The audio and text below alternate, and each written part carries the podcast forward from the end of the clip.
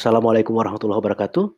Salam sejahtera buat kita semua. Semoga kita tetap dalam keadaan sehat walafiat tanpa kekurangan apa pun walaupun di masa pandemi sekarang ini.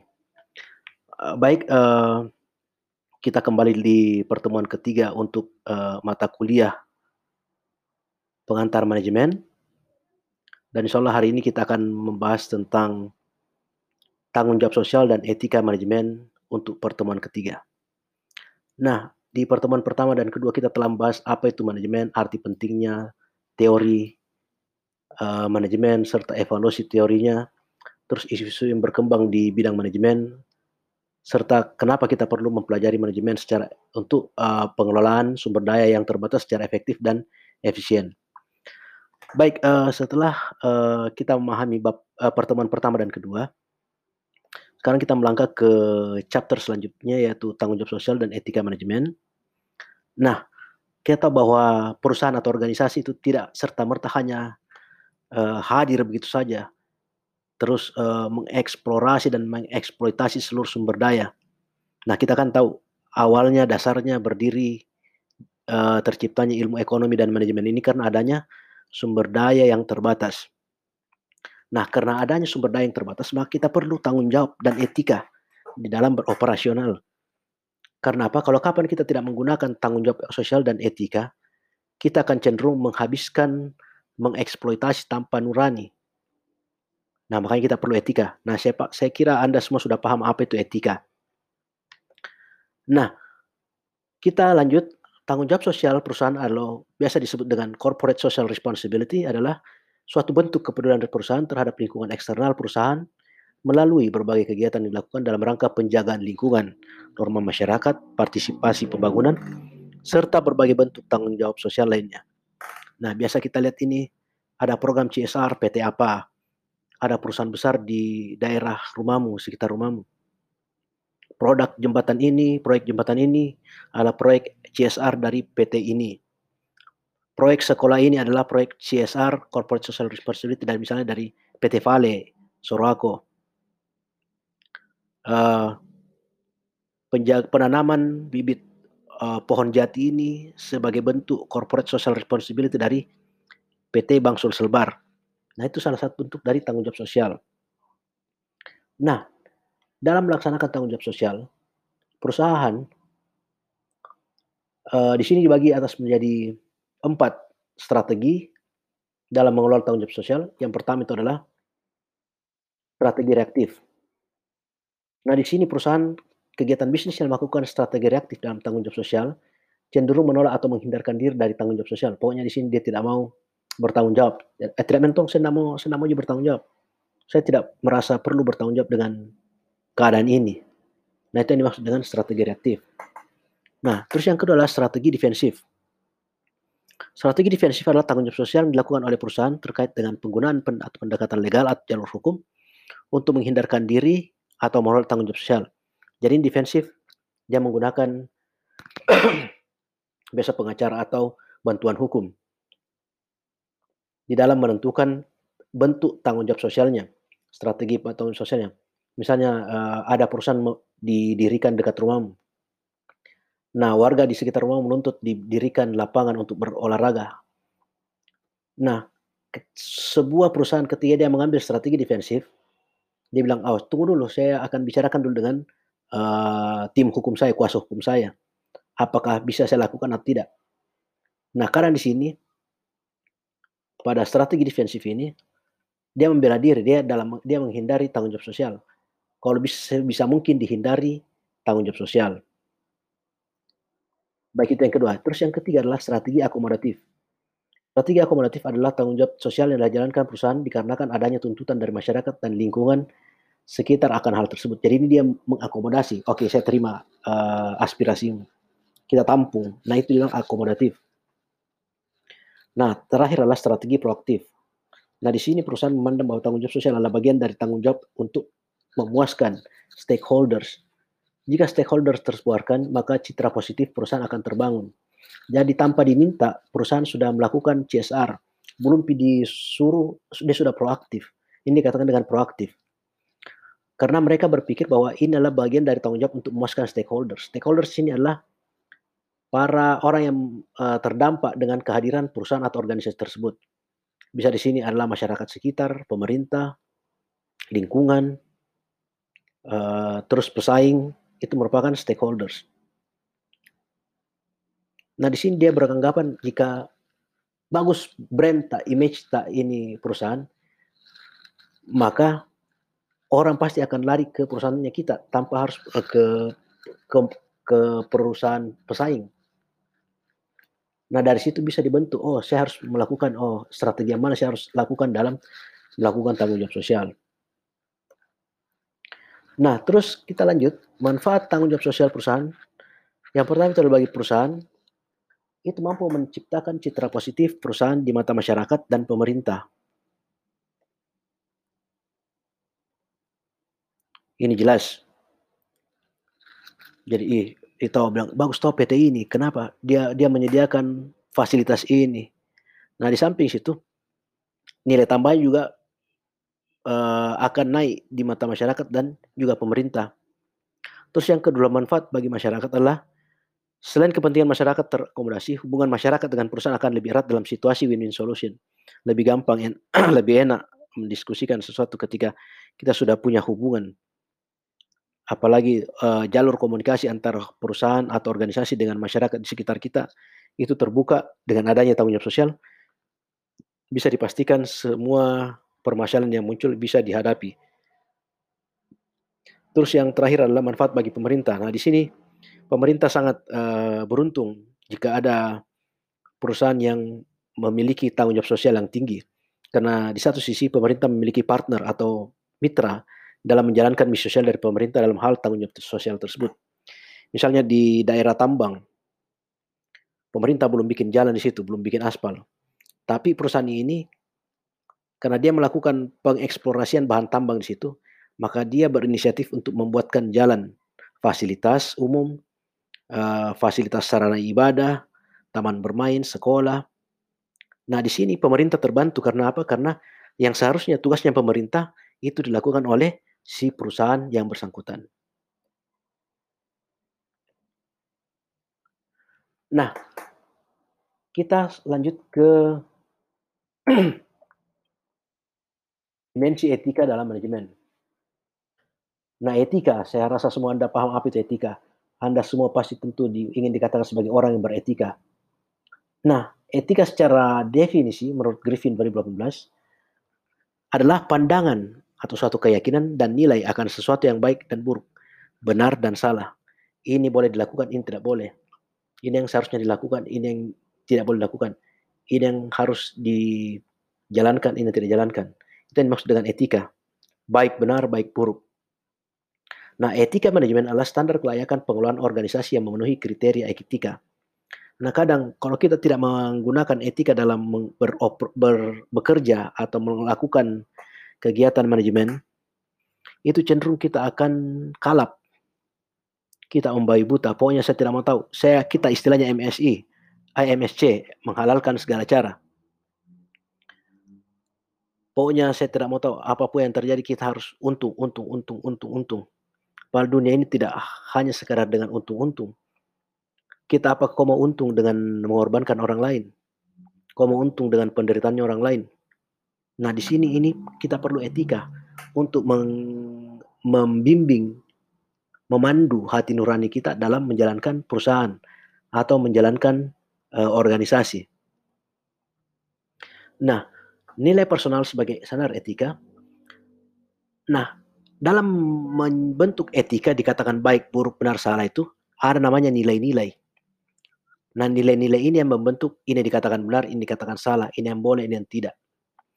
Nah, nilai pada definisinya adalah merupakan pandangan ideal yang mempengaruhi cara pandang, cara berpikir dan berperilaku dari seseorang. Nah, kadang kita dalam, eee, berkehidupan sosial, kita menemukan konflik, perbedaan nilai antara satu dengan yang lain.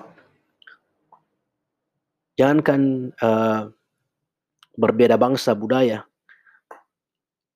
Anda saja bersaudara, dilahirkan dari rahim yang sama, kadang memiliki nilai yang berbeda.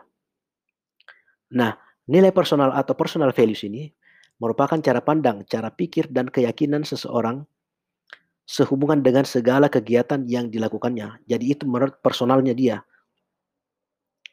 Uh, nilai pribadi yang dia dia anut. Nah, sementara nilai personal terdiri dari nilai terminal dan nilai instrumental. Nilai terminal adalah keadaan akhir, nilai-nilai yang diharapkan, tujuan akhirnya, tujuan or yang orang ingin capai selama hidupnya. Itu dimaksud dengan nilai terminal. Nah, sementara nilai instrumental adalah cara berperilaku yang disukai atau bagaimana cara tak atau sarana bagi seseorang untuk mencapai terminal nilai terminal yang tadi kita ingin uh, capai pada uh, akhirnya. Ya, di sini bisa dibedakan toh. Jadi tadi kalau nilai terminal itu adalah nilai-nilai atau keadaan akhir nilai-nilai yang diharapkan dengan tujuan orang ingin mencapai hal tersebut selama hidupnya, sepanjang hidupnya. Sementara nilai instrumental adalah perilaku atau cara-cara yang digunakan dalam rangka mencapai nilai terminal tersebut. Misalnya semua orang, semua orang mau dihargai. Itu adalah nilai terminal. Semua orang mau dihargai. Tapi dalam mencapai nilai terminal, ada orang cara nilai instrumentalnya berbeda. Nah, di sini orang kadang-kadang berbeda di nilai instrumentalnya. Ada yang ingin uh, dihargai, dihargai itu misalnya ada seorang mau ditabek-tabeki, disalami, dibilangi bos, dihormati, kayak bendera apakah. Kita harus membungkuk di depannya. Ada juga tidak perlu seperti itu. Kita hanya senyum padanya, dia merasa dihargai. Itu nilai-nilai yang instrumental yang berbeda. Ada perbedaan antara nilai instrumental dan nilai terminal. Semua orang mau masuk surga. Nah itu adalah nilai terminal. Nilai instrumentalnya dengan cara apa? Ada yang dengan cara beribadah, ada yang mungkin dengan berbuat baik saja, ada yang bilang saya harus jujur, ada yang bilang saya tidak boleh menyakiti hati orang lain. Nah sama misalnya kalau ini analoginya terminal, kayak di terminal, mobil penumpang, itu kan tempat berkumpulnya semua orang. Tapi asalnya mobil-mobil yang ada di situ dari berbeda dari daerahnya. Ada dari Selayar, ada dari Bulukumba, ada dari Sopeng, ada dari Bone, kumpulnya satu di satu tempat. Walaupun kita di Makassar berbeda tempatnya, ada dua, ada di Malenggeri dan ada di Dayak. Nah itu yang dimaksud dengan uh, nilai instrumental dan nilai terminal. Nah, menurut Kreitner tahun 92, ada penelitian empiris mengenai nilai terminal dan nilai instrumental. Berdasarkan responden dari 220 manajer, mereka beranggapan bahwa nilai-nilai terminal yang perlu dimiliki adalah yang pertama adalah kejujuran, tanggung jawab, kapabilitas, ambisi, dan independensi atau kemerdekaan. Di sisi lain, dari 220 manajer tersebut, mereka beranggapan bahwa nilai-nilai instrumental yang perlu mereka miliki adalah penghargaan terhadap pribadi, keamanan dan kesejahteraan keluarga pekerja, kebebasan dan kemerdekaan, dorongan untuk meraih sesuatu dan kebahagiaan. Nah, konflik nilai. Tadi saya sudah sampaikan, konflik karena ada terbeda ada perbedaan antara nilai yang kita anut dengan pribadi atau individu yang lainnya. Nah, konflik interpersonal pada saat terjadi umumnya antara individu dengan individu yang lainnya. Nah, di sini terus ada yang kedua, ada namanya konflik individu dengan organisasi pada dasarnya merupakan konflik yang terjadi pada saat nilai yang dianut individu berbenturan dengan nilai yang harus ditanamkan oleh perusahaan. Misalnya kau semua menjunjung tinggi nilai kejujuran. Tiba-tiba kau ditempatkan di suatu organisasi atau sistem yang bobrok yang mengharuskan kau untuk berkolusi, berkorupsi, melakukan hal yang bertentangan dengan hati nuranimu. Nah ini akan menciptakan konflik antara dirimu sebagai individu dengan sistem atau organisasi secara luas. Terus yang ketiga adalah adanya konflik antar budaya. Nah, pada dasarnya merupakan konflik antar individu maupun antara individu dengan organisasi yang disebabkan oleh adanya perbedaan budaya di antara individu yang bersangkutan atau juga organisasi yang bersangkutan. Jadi ini sudah masalah budaya lagi. Nah, kalau berbudaya bicara budaya, orang di barat berbeda budayanya dengan orang yang kita di timur. Banyak hal yang mereka anggap sopan, di kita tidak sopan. Begitupun sebaliknya. Kalau kita di timur ketika kita bersendawa atau istilahnya tatera, oh, habis makan itu merupakan dianggap, oh dia bersyukur, dia kenyang. Tuan rumah akan merasa, eee, dihargai. Ya kalau ketika kita bersendawa di negeri barat atau yang berpaham, eee liberal, itu cenderung kita dianggap tidak sopan. Nah, ini ada dari perbedaan-perbedaan hal ini akan menciptakan konflik ketika kita tidak mampu me-manage atau mengelolanya. Nah, selanjutnya ada isu seputar etika manajemen.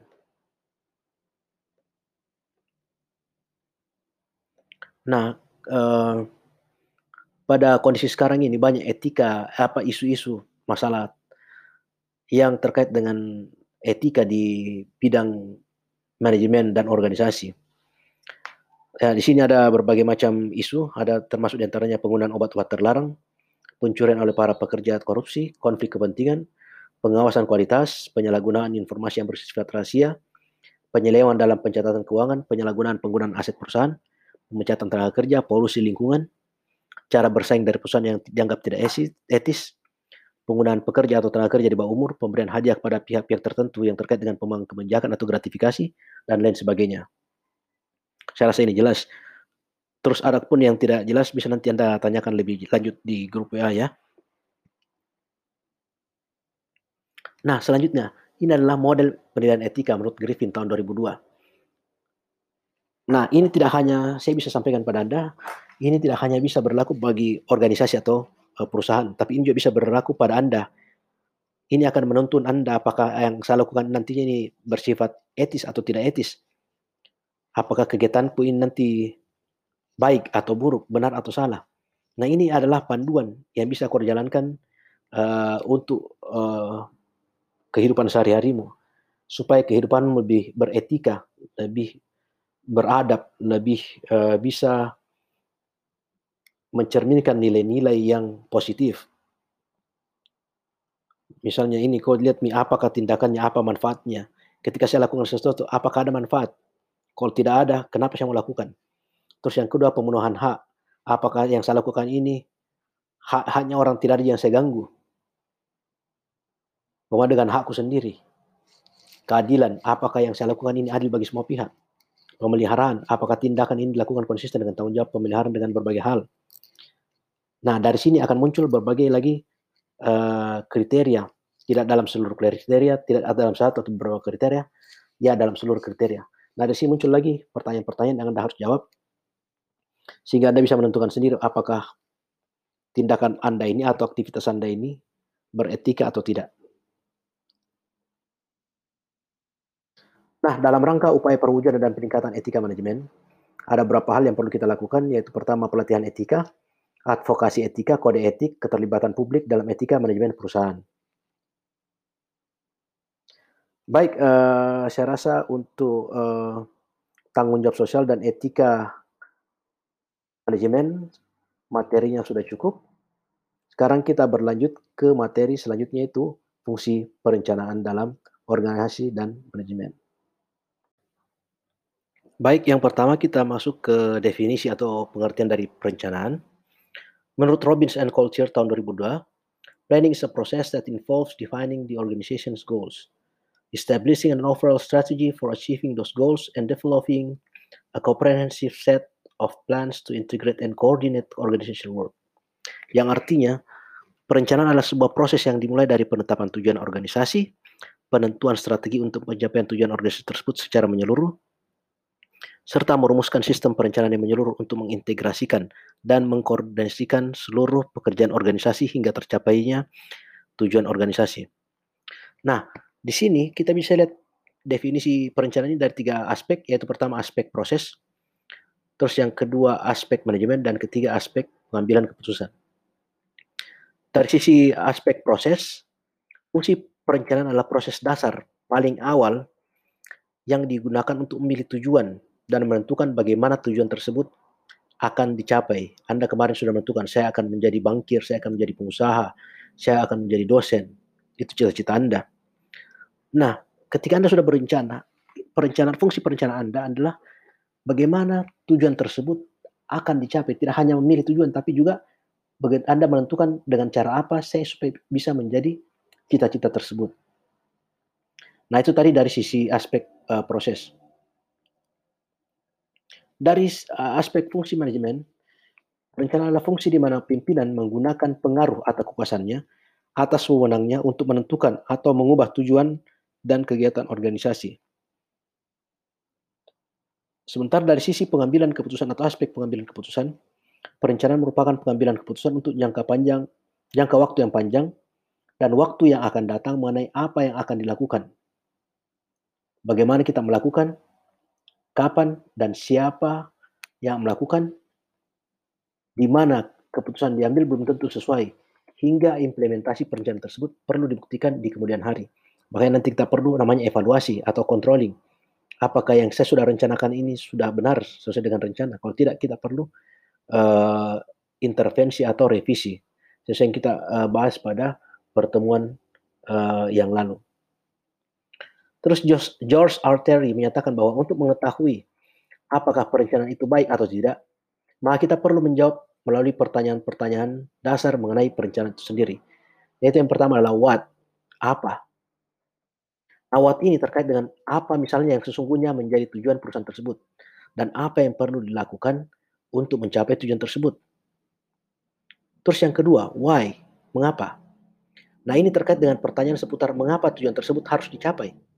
Dan mengapa tujuan yang dirumuskan dalam jawaban atas pertanyaan, what perlu dilakukan untuk mencapai tujuan tersebut? Apa yang perlu kita lakukan untuk mencapai tujuan tersebut? Mengapa? Kenapa harus mencapai tujuan tersebut? Apa sih untungnya? Terus yang selanjutnya adalah where, di mana. Ini menyangkut di mana kegiatan tersebut akan dilaksanakan. When, kapan, kapan kegiatan tersebut akan dilaksanakan. Kapan dan kegiatan tersebut akan dimulai dan diakhiri. Ini akan ter-include uh, dalam uh, pertanyaan when. Terus who, siapa yang akan melaksanakan? Siapa-siapa saja yang terlibat dalam kegiatan dalam rangka pencapaian tujuan ini. Dan yang terakhir adalah how. Bagaimana? Adalah bagaimana cara kita untuk melakukan kegiatan tersebut sehingga mencapai tujuan yang kita inginkan. Terus yang kedua, Robbins dan Culture menjelaskan bahwa fungsi perencanaan itu sebenarnya bagi perusahaan dan organisasi dan kita pribadi kita bisa menggunakan ini fungsi perencanaan untuk uh, kita pribadi. Nah, fungsi perencanaan itu ada empat. Yang pertama itu sebagai pengarah, yang kedua sebagai perencanaan untuk meminimalisir ketidakpastian. Terus yang ketiga perencanaan sebagai minimalisir pemborosan sumber daya. Dan yang keempat adalah perencanaan sebagai penetapan standar dalam penetapan uh, pengawasan kualitas. Terus untuk dikatakan sebagai syarat untuk melakukan perencanaan, ada beberapa syarat sini yang harus dipenuhi untuk melakukan perencanaan. Yang pertama itu adalah faktual atau realistis. Artinya apa yang dirumuskan oleh perusahaan atau kondisimu pribadimu sesuai dengan fakta dan wajar untuk dicapai dalam kondisi tertentu yang dihadapi oleh perusahaan. Misalnya kau adalah seorang mahasiswa fakultas ekonomi, kau menjadi seorang sarjana ekonomi. Itu adalah faktual realistis. Yang tidak realistis itu misalnya kau kuliah di fakultas ekonomi, nah kau menjadi tentara. Mungkin ada hubungannya tapi tidak tidak tidak signifikan antara apa yang kau inginkan dengan apa yang kau jalani sekarang ini. Terus yang kedua, untuk syarat untuk perencanaan adalah logis dan rasional. Artinya apa yang kita rumuskan di dalam perencanaan tersebut dapat kita terima secara akal, nurani, sehingga perencanaan tersebut dapat dilaksanakan. Terus yang ketiga syaratnya adalah fleksibel. Perencanaan diharapkan mampu beradaptasi dengan perusahaan di masa yang akan datang. Nah, tapi ini juga tidak berarti bahwa perencanaan kita dapat kita rubah seenaknya. Nah, perencanaan bisa fleksibel atau bisa uh, luas, adaptif karena kita tidak mampu melihat uh, perubahan yang terjadi di masa yang akan datang. Nah, makanya kita perlu fleksibel. Kalau kita kaku, uh, bisa dipastikan apa yang kita harapkan tidak akan sesuai dengan uh, tujuannya. Terus yang keempat adalah komitmen. Nah, komitmen di sini dapat dibangun apabila seluruh anggota di perusahaan beranggapan bahwa perencanaan yang dirumuskan telah sesuai dengan tujuan yang ingin dicapai oleh organisasi. Jadi ada kesamaan persepsi, kesamaan pendapat.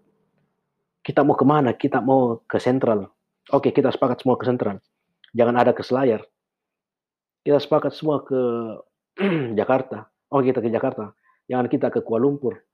ada komitmen, ada keinginan bersama, ada persetujuan dari seluruh anggota organisasi yang oh oke okay, kita sama-sama menjalankan ini dalam rangka pencapaian tujuan bersama. Terus dan terakhir adalah uh, komprehensif, artinya menyeluruh dan mengakomodasi aspek-aspek yang terkait secara langsung maupun tidak langsung terhadap perusahaan. Nah, perencanaan tidak hanya terkait dengan bagian yang kita jalankan, tapi juga dengan mempertimbangkan koordinasi dan integrasi dengan bagian lain di perusahaan.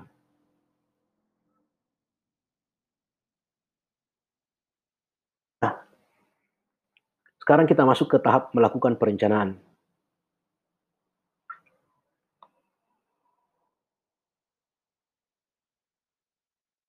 Nah, tujuan dan rencana dalam proses perencanaan itu sangat penting. Nah, tujuan pada dasarnya adalah hasil akhir yang diharapkan atau dapat diraih oleh individu, kelompok, dan atau seluruh organisasi. Dalam bahasa Inggris sekarang dibedakan antara objectives dan goals. Objektif sering diartikan sebagai tujuan dan goals diartikan sebagai target. Tetapi biasa kedua istilah tersebut digantikan dengan istilah purpose, aim, destination, tapi artinya semua sama, yaitu tujuan. Itu adalah goals. Terus yang kedua adalah plans atau rencana adalah segala bentuk konsep dan dokumentasi yang menggambarkan bagaimana tujuan kita akan dicapai dan bagaimana sumber daya perusahaan akan dilokasikan. Penjadwalan dari proses pencapaian tujuan hingga segala hal yang terkait dengan pencapaian tujuan. Jadi dalam rangka mencapai goals kita perlu plans. Kalau kau tidak punya plans, just forget about your goals. Nah, sekarang kita masuk ke jenis-jenis tujuan. Nah, tujuan ada beberapa jenis yaitu ya ada tiga berdasarkan tipenya. Yang pertama itu adalah tujuan strategis, yaitu tujuan yang ingin dicapai oleh perusahaan dalam jangka waktu yang relatif lama. Biasanya antara 3 hingga 5 tahun bahkan lebih. Ini biasa kita kenal dengan istilah uh, tujuan jangka panjang. Terus yang kedua, tujuan taktis yaitu tujuan yang ingin dicapai oleh perusahaan dalam jangka waktu menengah, relatif lebih singkat dari tujuan strategis, biasanya berkisar antara satu hingga tiga tahun.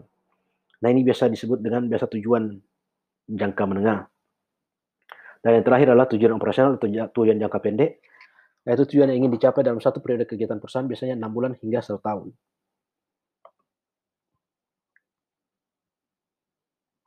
Nah, dari keluasan waktu, rencana juga dapat dibedakan menjadi rencana strategis, rencana taktis, dan rencana operasional. Yaitu rencana jangka panjang, rencana menengah, dan rencana jangka pendek. Sama tadi dengan uh, tujuan.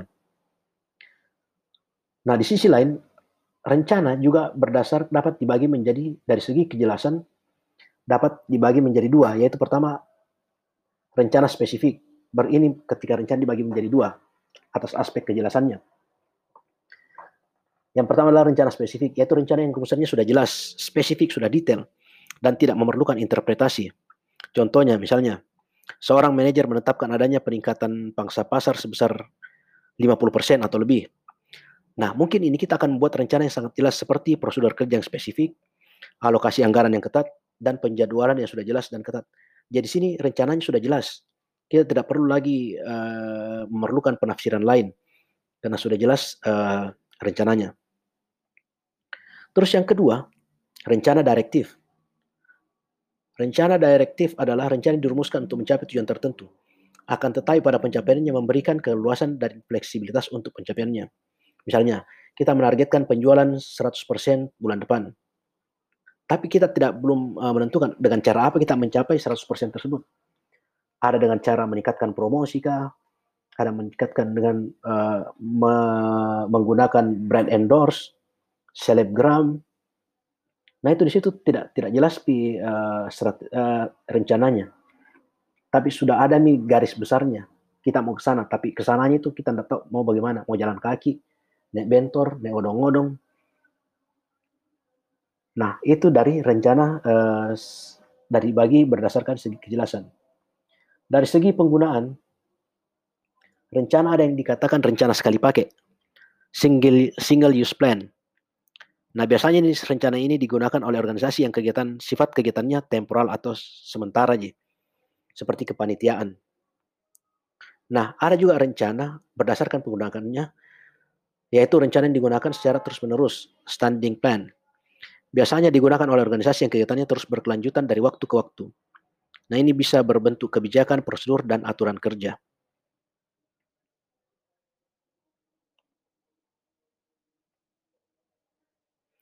Nah, di dalam uh, penetapan tujuan uh, di ilmu manajemen dikenal ada dua pendekatan. Yang pertama itu adalah pendekatan tradisional, traditional goal setting, dan pendekatan dengan menggunakan MBO, yaitu Management by Objectives. Nah, yang pertama kita jelaskan pendekatan tradisional. Nah, pendekatan tradisional ini dalam penetapan tujuan menjelaskan bahwa perumusan dan penetapan tujuan dilakukan oleh manajemen tingkat puncak, top level management. Bosnya, pokoknya pemimpin tertinggi yang melakukan penetapan tujuan.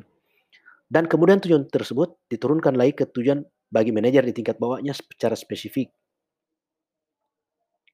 Jadi uh, ini diturunkan lagi ke manajer di level menengah. Nah, pendekatan ini dikemukakan oleh Robbins tahun 2002 dinamakan dengan means ends chain. Artinya tujuan yang lebih tinggi atau tujuan akhir terkait dengan tujuan di bawahnya. Dengan demikian pencapaian tujuan di bawah akan sangat berarti bagi pencapaian tujuan di atasnya. Jadi uh, top level management, pimpinan tertinggi, pimpinan puncak, raja bajingannya, tos, top, top bosnya di situ. Dia menentukan saja kita harus menjadi perusahaan yang dikenal seluruh Indonesia. Nah, tujuan berikutnya itu harus diterjemahkan oleh manajer di bawahnya.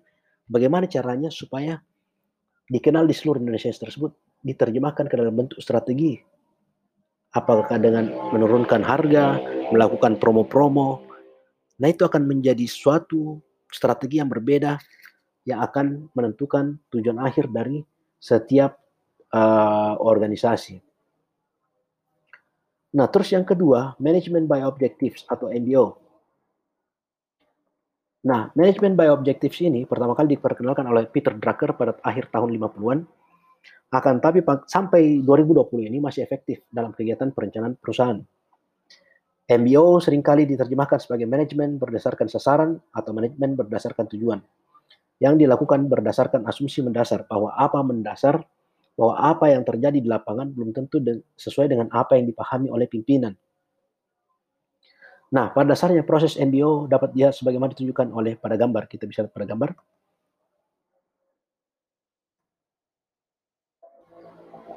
Jadi ada pimpinan dan bawahan itu melakukan perencanaan bersama-sama dan pelaksanaan pada setiap pihak dan evaluasi bersama. Nah, walaupun uh, sampai saat ini MBO tetap digunakan, uh, eh, MBO memiliki kelemahan, yaitu MBO dianggap terlalu menyederhanakan kegiatan dengan berusaha menyelesaikan segala sesuatu. Terus MBO secara cepat akan ditolak oleh manajer yang memiliki gaya otoriter dan oleh mereka yang menerapkan birokrasi yang tidak fleksibel dan ketat. Terus MBO juga memerlukan banyak waktu dan usaha dalam penerapannya, Terus MBO dapat menjadi tantangan bagi manajer yang kurang memiliki kualifikasi yang baik. Akan tapi di samping itu uh, eh, MBO juga memiliki kekuatan. MBO melakukan integrasi fungsi perencanaan dan pengawasan ke dalam suatu sistem rasional dalam manajemen. MBO mendorong organisasi dalam menentukan tujuan dari tingkat atas hingga tingkatan uh, operasional level paling bawah dari atas sampai bawah. Terus MBO memfokuskan pada hasil akhir daripada niat baik maupun faktor personal. Terus MBO mendorong adanya manajemen diri dan komitmen dari setiap orang melalui partisipasi pada setiap langkah manajemen dalam penentuan tujuan.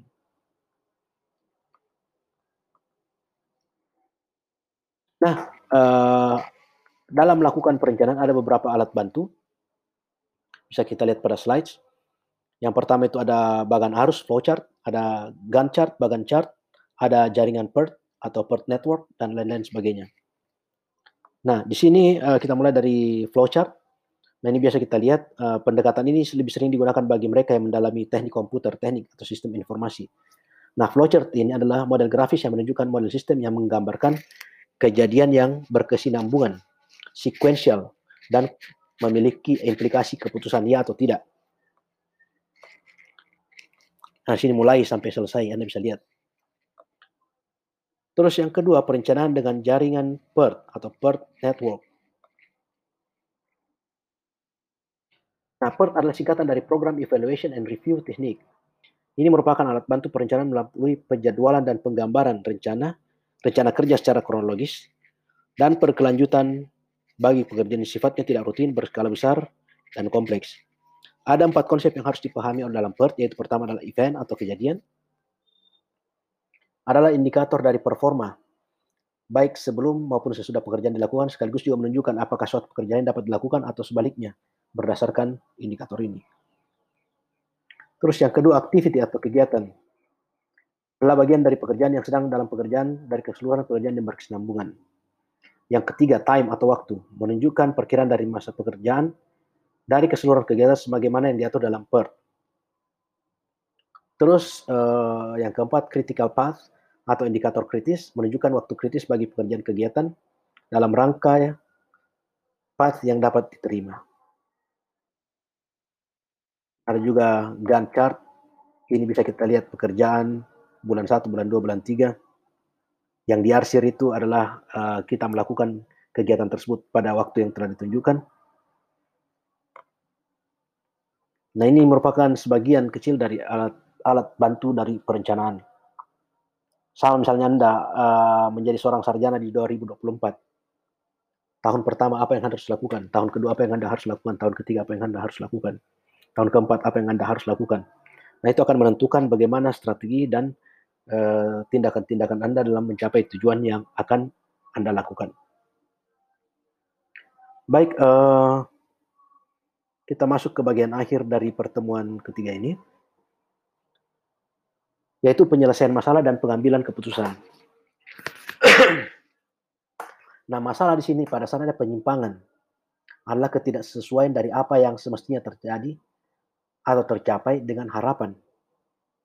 Kau harapkan 100 tapi yang muncul 10 ji. Itu adalah masalah. Kau harapkan uh, kau pesan GoFood. Kau harapkan enak sekali. Ternyata rasanya biasa biasa ji. Itu ada masalah kau mengharapkan layanan bagus tapi dilayani kok dengan seenak-enaknya. Itu ada masalah. Jadi pada dasarnya masalah adalah penyimpangan selisih antara ketidaksesuaian apa yang terjadi dengan apa yang seharusnya apa yang terjadi apa yang seharusnya terjadi dengan apa yang kau harapkan. Nah di sini adalah masalah versus gejala. Kadang kita tidak bisa membedakan yang mana masalah sebenarnya yang mana gejalanya. Di sini dikatakan if we fail to identify the problem then we will fail to solve the problem. Ketika kita gagal mengidentifikasi dari masalah, maka kita akan gagal mengatasi masalah tersebut. Sama misalnya gejalanya menunjukkan kau sakit kepala. Sakit kepala itu kan disebabkan oleh apa? Bisa banyak faktor.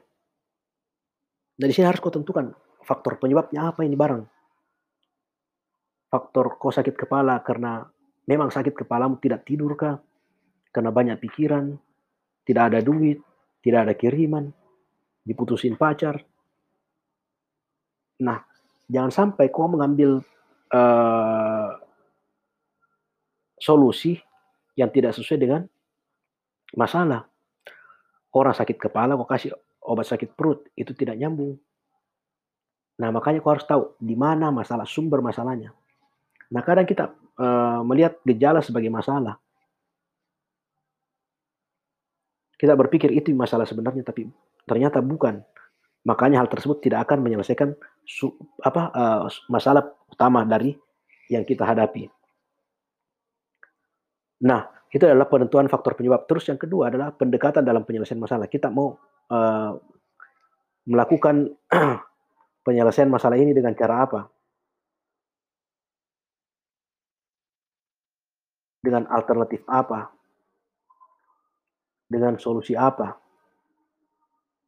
Nah, sehingga pada tahap akhir itu pengambilan keputusan atas alternatif penyelesaian masalah.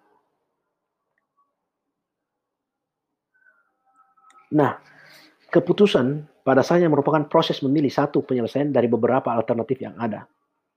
Keputusan yang tepat pada dasarnya yaitu keputusan yang bersifat rasional, sesuai dengan hati nurani dan didukung oleh fakta-fakta yang sesu akurat sesuai dengan nurani juga dan didukung oleh uh, hal yang dapat dipertanggungjawabkan.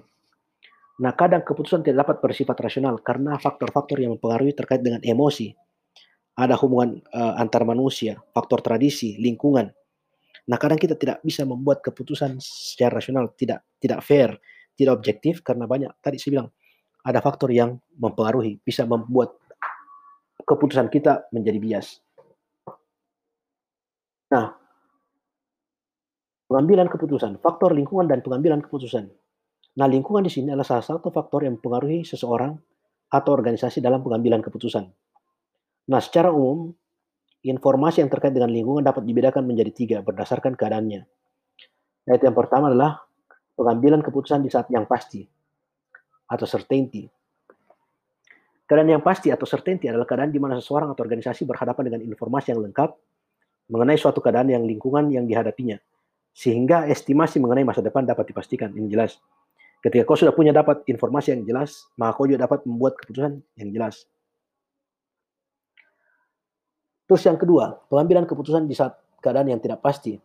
Ini adalah keadaan di mana seseorang atau sebuah organisasi berhadapan dengan informasi yang tidak lengkap atau sebuah organisasi tersebut tidak memiliki informasi mengenai masalah yang dihadapi. Jadi kita punya uh, informasi setengah-setengah. Kita tidak memiliki informasi utuh, gambaran lengkap mengenai apa yang kita hadapi. Terus yang ketiga adalah pengambilan keputusan pada keadaan yang mengandung resiko atau risky condition. Nah, ini adalah keadaan di mana seseorang atau organisasi berhadapan dengan informasi yang dimiliki, namun relatif tidak lengkap jika dibandingkan dengan keadaan yang pasti namun relatif bila dibandingkan dengan keadaan yang tidak pasti.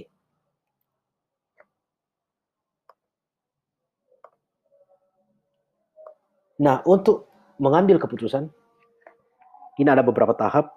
Kita bisa lihat di sini. Yang pertama itu adalah investigasi situasi. Yang kedua, penentuan alternatif solusi.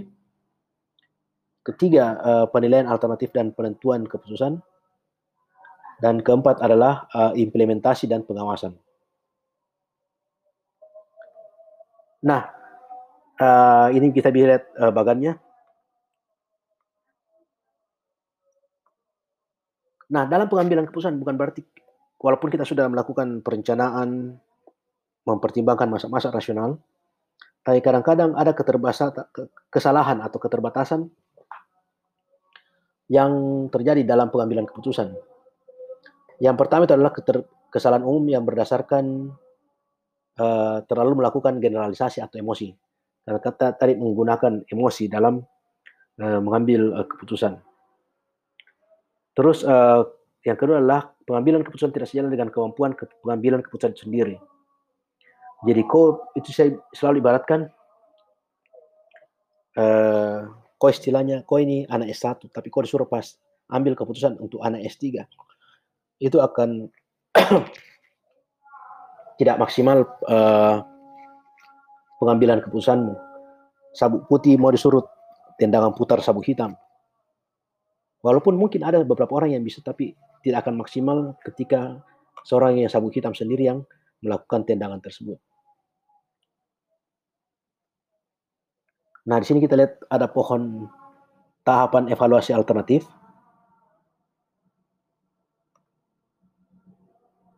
Apakah ada alternatif yang memungkinkan ya tidak. Nah ini adalah uh, pohon keputusan. Ini bisa anda jadikan dasar ketika anda melakukan mencari uh, solusi. Ketika anda diharapkan anda ada suatu keadaan di mana anda diharapkan anda merasa tidak punya pilihan anda lakukan kegiatan ini.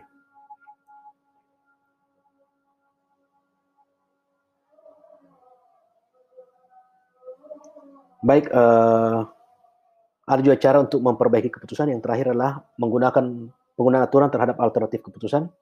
Kita menggunakan kriteria prioritas atau kriteria minimum. Terus yang kedua, pengujian terhadap berbagai alternatif keputusan. Terus pengambilan keputusan secara berkelompok, teknik curah ide, forum group discussion, brainstorming, eh, teknik kelompok nominal, teknik Delphi. Jadi kita mengambil keputusan secara berkelompok. Jadi hasil yang dilakukan lebih banyak kepala yang memikirkan lebih bagus dibanding kalau kita sendiri yang uh, melakukan pemikiran tersebut. Dan hal ini ketika kita lakukan secara bersama-sama, kita juga bisa bertanggung jawab secara bersama-sama. Baik, uh, untuk pertemuan ketiga saya rasa cukup. Adapun yang kurang jelas, baik itu cara penjelasan saya ataupun suara saya, itu Anda bisa tanyakan di grup ya. Insya Allah kita bertemu kembali lagi di uh, pertemuan keempat.